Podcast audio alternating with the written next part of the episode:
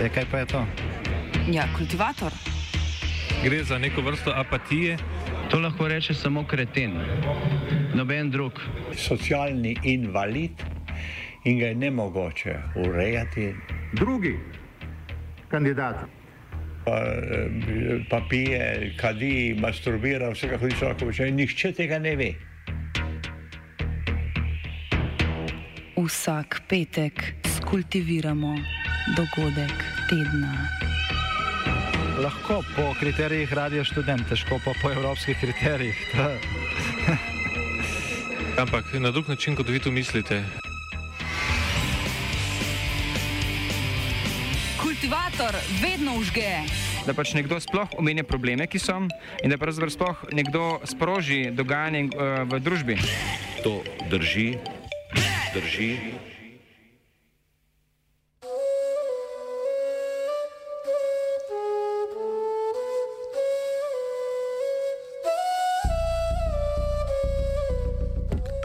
Na obali ništa novo.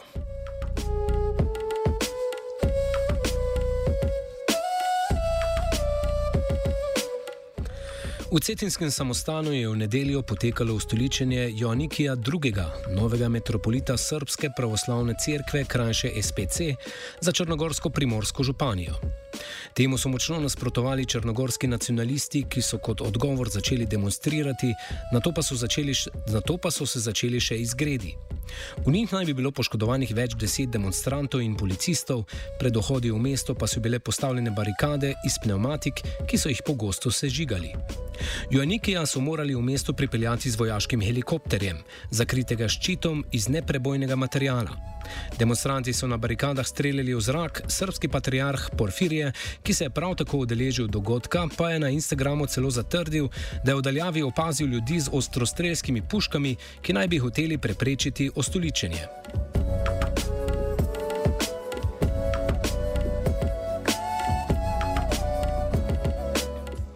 Specialne enote policije so posredovali s ozivcem in zvočnimi granatami. Aretiran pa je bil tudi svetovalec predsednika Mila Djukanoviča in nekdani direktor uprave policije Veselin Veljovič. Na dogajanje se je z besedami, ki so bile na ravni slavnega Njegoša, odzval tudi sam predsednik Djukanovič. Danas smo na Cetinu svjedočili velikoj sramoti Srpske pravoslavne crkve i vlade Crne Gore. Sramoti nezapamćenoj u dugoj istoriji Crnogorske države i jednako tako u istoriji ukupnog pravoslavlja. Brutalnom zloupotrebom državnih resursa, prije svega vojske i policije, i potpuno neprimjerenom upotrebom sile protiv mirno okupljenih građana u Crnogorskoj prijestolnici, vlada Crne Gore je obezbijedila nasilnu intronizaciju mitropolita Joanikija, dakle protivno volji ogromne većine građana Cetinja i značajnog broja građana Crne Gore. Samo čovjek bez dostojanstva bi sebi dozvolio da na takav način helikopterskim desantom na Crnogorsku prijestolnicu i pod zaštitom pancirskih ćebadi bude uveden u Cetinski manastir i da na taj način osramoti tron svetoga Petra Cetinskog.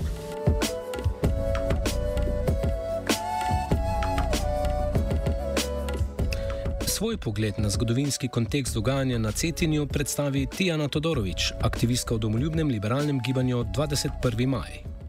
Dogodek na Cetinju, ki že zdaj vsi vemo, kaj se je zgodilo, se je v bistvu posledica stoletne politike, no, ki je aktualna v Črni Gori.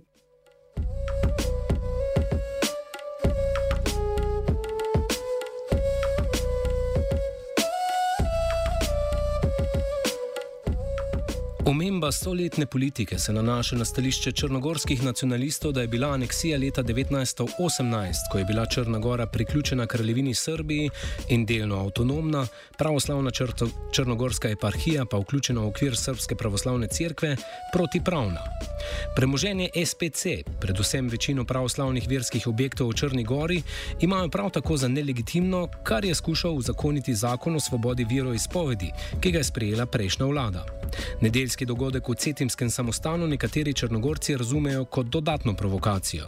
Cetinje in, in manas, Cetinski manastir v bistvu so simbol črnogorske tradicije, črnogorske tudi cerkve, tudi črnogorskih vladarjev in uh, v bistvu uh, na Cetinju se je zgodilo posiljevanje te tradicije, ker uh, odkar, odkar je Črna Gora uh, uh, postala spet samostojna od leta 2006, uh, je normalno nekako, da tudi, se, da tudi crkva postane samostojna in da se vrnemo na uh, svoje korenine.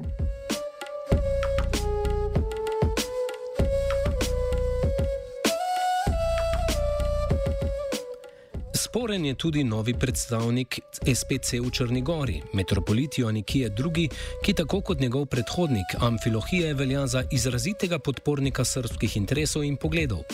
Lani je na primer v Beogradu pohvalil dela nacionalističnega zgodovinarja Aleksandra Rakoviča, ki je o tako imenovanih črnogorskih separatistih izjavil: V nekem trenutku bo 100 tisoč njih ostalo proti 7 milijonom in pol nas. Takrat se bomo imeli priložnost pomeniti z njimi, kot se spodobi. Protestniki Joannikijo tudi učitajo, da je bil izbran politično in ne zaradi nacionalističnih stališč. Povrhu tega pa naj bi bil izvoljen v nasprotju s pravili Srpske pravoslavne cerkve. Notranjo politiko, politiko SPC razloži Simon Malmenval, profesor na Teološki fakulteti Univerze v Ljubljani. Njegov izbor oziroma izvolitev je potekala skladno z vsemi pravili, torej z vsemi pravnimi normami, ki trenutno veljajo za celotno srpsko pravoslavno crkvo. Drži, da je predhodni, prejšnji črnogorsko-primorski metropolit Amfilohije, Amfilohije Radovič, bil leta 1990 izbran na drugačen način in sicer tako, da ga je najprej izvolil zbor škofov Srpske pravoslavne cerkve, ki deluje na ozemlju Črne Gore, na to pa je to odločitev črnogorskega episkopata potrdila še sveta sinoda ali sveti sinod Srpske pravoslavne cerkve pod vodstvom takratnega patriarha.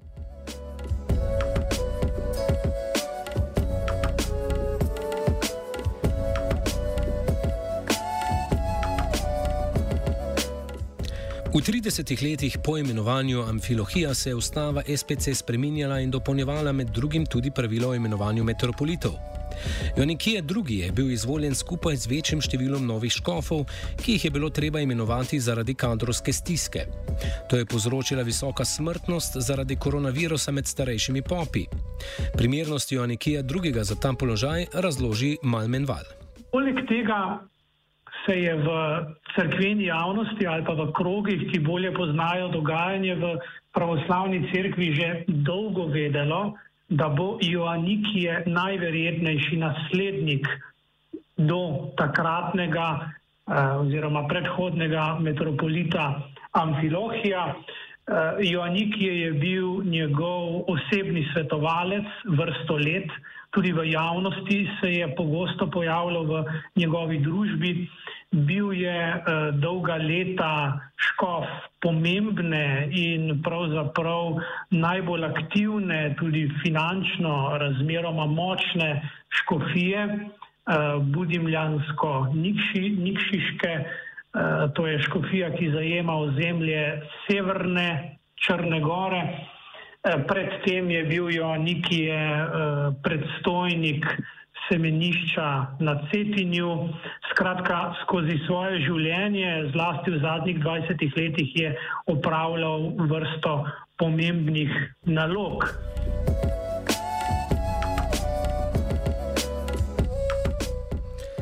Vera, konkretno je pravoslavje, je v Črni Gori zelo politizirana tema. Predstavniki majhne in nepriznane samostojne Črnogorske pravoslavne cerkve veljajo za tesne zaveznike Demokratske partije socialistov Mila Djukanoviča. Srpska pravoslavna cerkev pa se je začela v posvetno politično življenje pogosteje umešavati, potem ko je prejšnja vlada, ki so jo vodili socialisti, uložila sporno novelo zakona o vi svobodi veroizpovedi. Ta je predvidevala nacionalizacijo večine crkvenih nepremičnin, čemu je SPC nasprotovala z vsemi sredstvi. Tesno zmago opozicijske koalicije lahko pripišemo tudi glasni podpori, ki jo je prejela od pokojnega metropolita Amfilohija.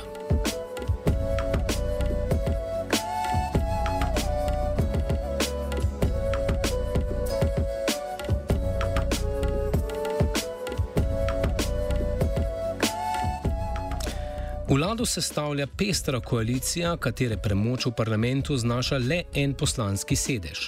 Sestavljena je iz liberalnih strank URA in demokrati ter desno-sredinske prosrbske koalicije Demokratska fronta. Po oblikova oblikovanju vlade je hitro črtala sporne člene zakona o svobodi veroizpovedi, ki so govorili o lastništvu verskih objektov. Zdelo bi se, da bo to konec verske politične drame, a je kmalo zatem postal relevanten tako imenovani temeljni dogovor, ki naj bi ga premije Zdravko Krivokapič hotel skleniti z vodstvom SPC. Sporazum naj bi celovito urejal odnose med Republiko Črnogoro in Srpsko pravoslavno cerkvijo. Jeseni lani je postal redna dnevno politična tema, saj absolutna tajnost njegove vsebine vzbuja vse več polemik in skrbi, njegov podpis pa je bil vsakič znova napovedan za kmalu. Najboljša priložnost se je pojavila pred tremi tedni, ko je bil premijer Krivokapič na obisku pri vodstvu SPC v Beogradu. A dogovor še vedno ni bil podpisan. Kako je na to reagirala javnost, razloži Milena Bešič, direktorica Podgoriškega centra za demokracijo in človekove pravice, krajše, krajše CEDEM. Uh, videli smo, da je ovaj, uh, se očekivalo od premijera Krivokapića da taj ugovor potpiše onomad u Beogradu. To se nije dogodilo, pa je, pa je došlo jeli, do negodovanja i sa jedne i sa druge strane.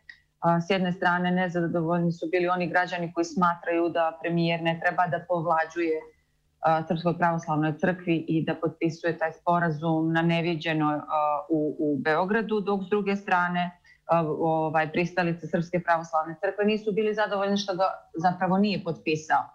E sada ćemo da vidimo ovaj, kako će dalje da se razvija situacija. A, s obzirom da se od događaja na Cetinju naziru, kako da kažem, a, neka vrsta boljih odnosa između čelnika DF-a i premijera Krivokapića.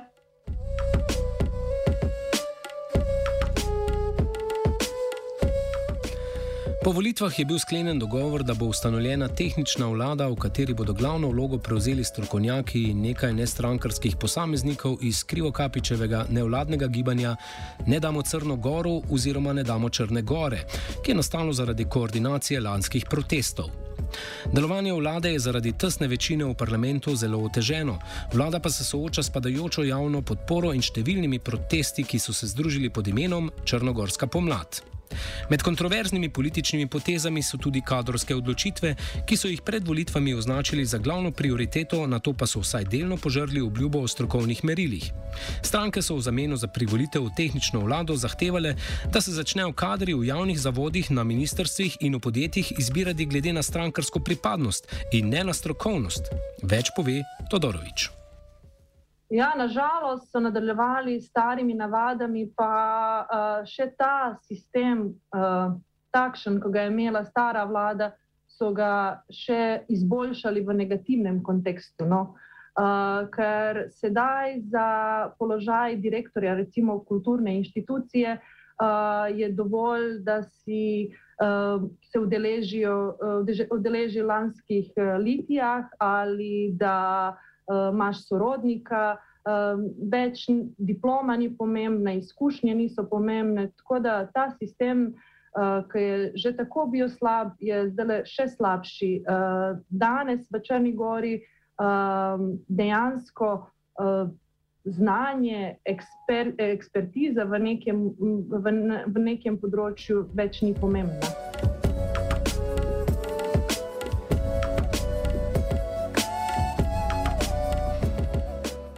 Najboljši primer je Ministrstvo za šolstvo, kulturo, znanost in šport, ki ga vodi profesorica angliškega jezika Vesna Bratič. Gre za do zdaj neznano političarko povezano le s krivokapičevim gibanjem in samo oklicano srpsko nacionalistko, ki se po svojih besedah ironično označuje za pripadnico četniškega gibanja. Julija se je pred parlamentarno komisijo znašla zaradi spornega vala imenovanj novih ravnateljev osnovnih in srednjih šol. Najbolj izpostavljen primer tega kadrovanja prihaja iz kraja Pljevlja, v katerem je bila za ravnateljica osnovne šole imenovana učiteljica Bojana Džačič. Ta je kmalo zaslovela zaradi fotografij s Šajkačo, nacionalno kapo Srbo iz osrednje Srbije, ki je bila okrašena s četniško kokardo.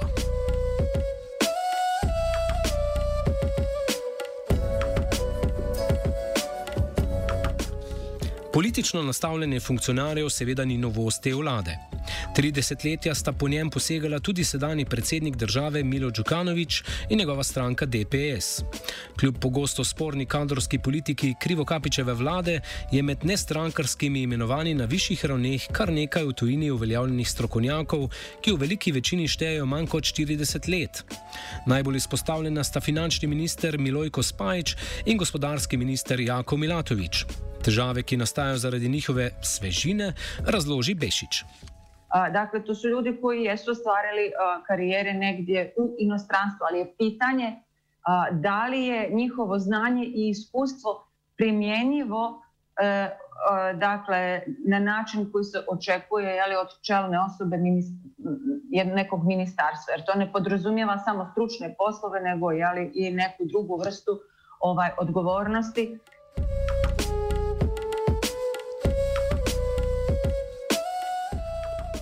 Pogostim imenovanjem izrazito prosrpskih kadrov opozicija tudi utemeljuje svojo trditev, da so proevropska stališča vlade le laž, namenjena mednarodni javnosti. Krivokapičeva stališča primerjajo s prvotnim nastopom Aleksandra Vučiča, ki nam manevrira med proevropskim približevanjem članstvu v EU ter prijateljevanjem z Rusijo in Kitajsko.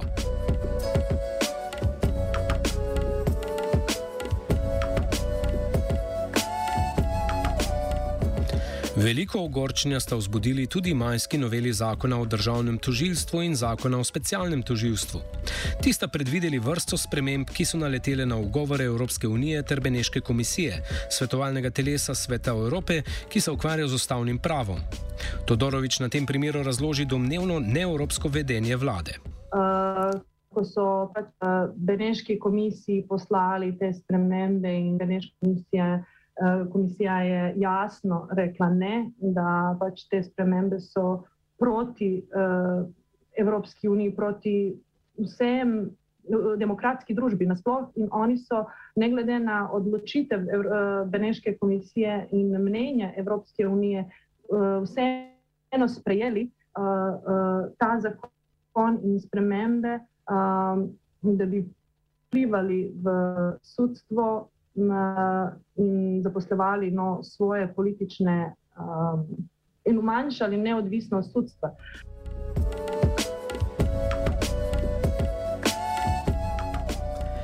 V novelah je bilo napovedanih več sprememb na področju toživstva in sicer korenite spremembe zakona o državnem toživstvu ter ukonitev zakona o specialnem toživstvu.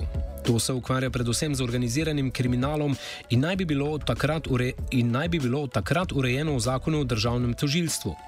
Od druge ideje so vladi zaradi priporočil Evropske unije na koncu dvignili roke.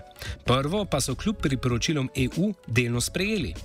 Problematiko razloži Bešič. In to je ono, što je recimo izazvalo otprilike ovakav stav ne samo u opoziciji, nego i u civilnom društvu, medijima i kod uh, dijela jeli, ekspertske uh, javnosti, pravne struke, gdje su zapravo neka rješenja u to je sad već važećem ovaj, tužilačkom zakonu, trebala zapravo da imaju cilj smanjenje mogućnosti za politizaciju tužilačkog savjeta kao glavnog cilja koje treba da obezbijedi nezavisnost i nepristrasnost u tužilaštvu. Zapravo ovaj, mi sad, mi sad dakle, nakon toga na snazi imamo zakon koji je omogućio koji je omogućio dakle upravo promjenu dakle tužilačkog savjeta i čeka se da čeka se da parlament usvoji dakle upravo te kandidate koji dolaze iz reda uglednih pravnika što, što, što ćemo da vidimo koji će dalje da bude epilog. Znači sada, je, sada u principu trebamo da vidimo kako će taj tuži, novo izabrani tužilački savjet dalje da, da bira tužioce.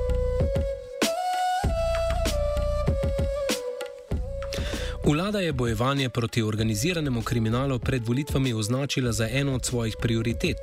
Zaradi kompleksnosti težave in potrebe po sodelovanju več vej oblasti, med drugim toživstva, ki so ga 30 let polnili socialisti, pa je bilo na tem področju malo napredka. Zamujanje z reformami se odraža v izrazito majhni podpori, ki jo vlada uživa med državljani. Pozitivno oceno je v CDM-ovi junijski javnomnenjski anketi podala le četrtina prebivalcev. Del razloga je seveda tudi gospodarska situacija, v kateri se je znašla Črnagora. Nezaposlenost je visoka, država pa se spopada tudi s hudim zunanje trgovinskim deficitom. Gospodarstvo je zelo odvisno od turističnega sektorja, ki je bil zaradi epidemije močno prizadet. Bešič povdarja, da je bilo gospodarsko stanje že pred COVID-19 slabo, vladi pa očita nezadostno transparentnost. God, da je došel na poziciju, da ovaj, rješava ta pitanja u Crnoj Gori, imao bi veoma težak, veoma težak zadatak. Ono što ja mogu reći o ekonomskoj politici iz mog aspekta jeste da bi ona mogla da bude više transparentna.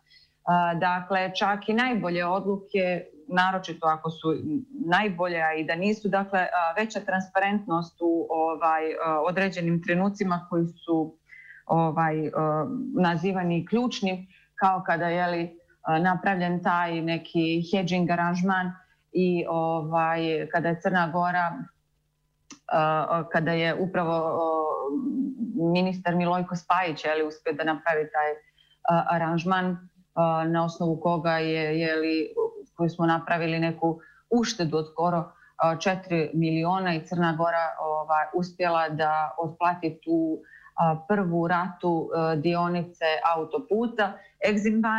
Dakle, to se smatra jednim od najvećih uspjeha ovaj, ove vlade na tom polju i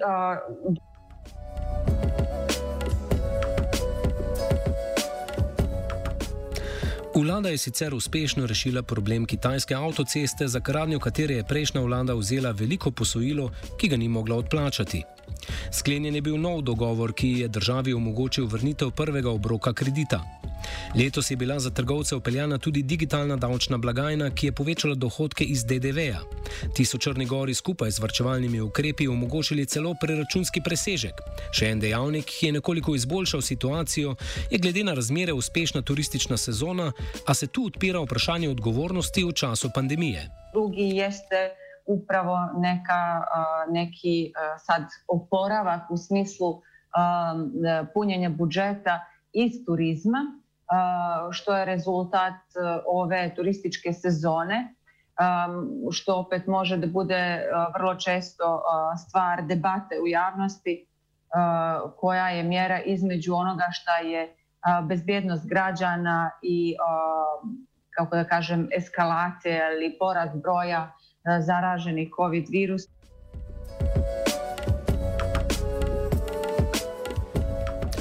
Vrnimo se k izred, izgredom na Cetinju. Ti so odmevali tudi drugot v regiji, še posebej v kontekstu retorike srpskega sveta, katere glavni zagovornik je srpski obramni minister Aleksandar Vulin. Vulin. Sledi opis te ideje vzeti iz njegovega govora na julijskem zboru njegove stranke. Zadatak ove generacije političara jeste da objedini Srbe gde god oni budu živeli.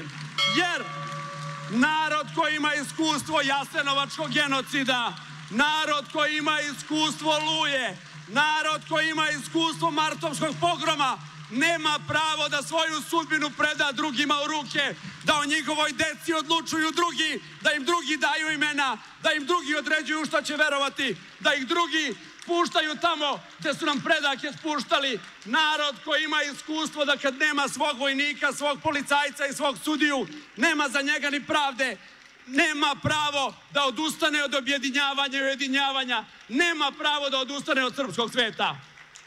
A da bi srpski svet nastao, Srbija mora da bude ekonomski uspešna, Srbija mora da bude dobro vođena, Srbija mora da ima vojsku koja je u stanju da je sačuva i nju i Srbe gde god oni živeli.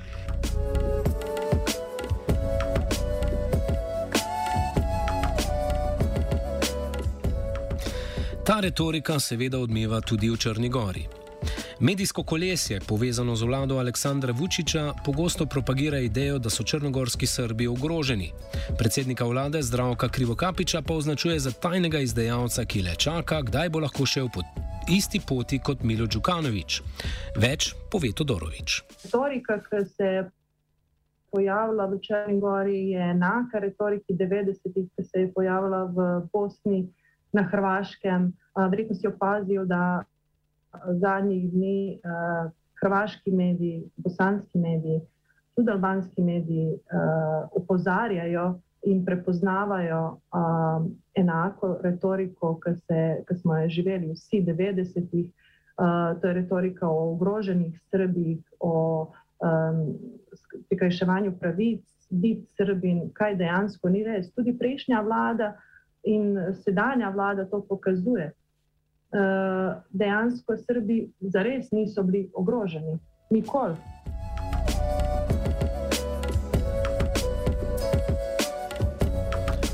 Idejo srpskega sveta razume kot predlog, da bi se Črnogora podredila Srbiji kot neke vrste protektorat. Bešič zavrača to možnost, navajajoč članstvo v zvezi NATO in zavedanje elit, da takšni načrti ne bi bili uspešni. Ono što, um, što se želi izazvati utisak u javnosti, u javnosti u Srbiji, u javnosti u Crnoj Gore, u javnosti u, u, u uh, regionu, to je druga stvar. Ali ovaj, uh, uh, pitanje crnogorske suverenosti, državnosti je doneseno i um, ona je međunarodno priznata, mislim, od cijelog svijeta 2006. godine članica je svih mogućih međunarodnih ovaj, organizacija i na kraju krajeva NATO alijanse, da li to nekom nešto ovaj uopšte znači. Tako da mislim da su i političke elite ovaj kako toga svjesni da su to neke stvari o kojima sigurno se ovaj ne razmišlja na taj način nego se prosto želi a, stvoriti neka slika u javnosti a, jer se na toj polarizaciji i na tom na, na toj vrsti odnosa ovaj žele sticati neki politički poeni i neke druge, ovaj, neki drugi uh, politički interesi, ali pitanje crnogorske državnosti je nešto što apsolutno ovaj, nije upitno i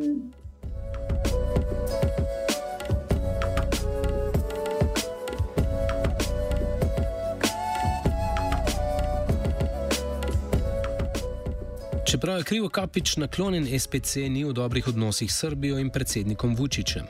Še vedno ni bil na diplomatskem obisku pri srpskem bratu, Srbija pa je veliko bolj kot njemu naklonjena demokratski fronti, ki je do sedaj kljub načelnemu sodelovanju v koaliciji pogosto delovala bolj kot opozicija.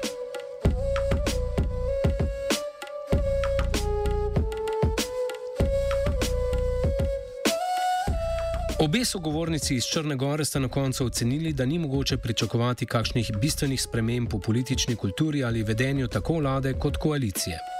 Obeta pa se vsaj ena sprememba. In sicer v odnosih s Srbijo, saj je nedeljski incident Demokratsko fronto močno zbližal s Krivokapičem.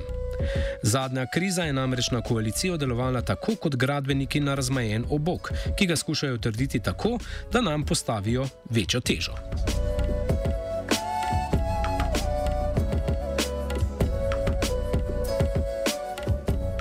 Kultiviral je srčan.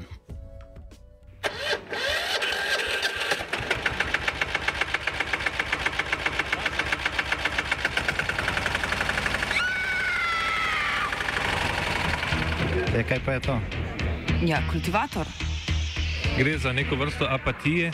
To lahko reče samo kreten, noben drug. Socialni invalid in ga je ne mogoče urejati. Drugi kandidat. Pa, pa pije, kadi, masturbira, vse kako hoče lahko reče. Nihče tega ne ve. Vsak petek skultiviramo dogodek tedna. Lahko po kriterijih radio študent, težko pa po evropskih kriterijih. Ampak na drug način, kot vi to mislite.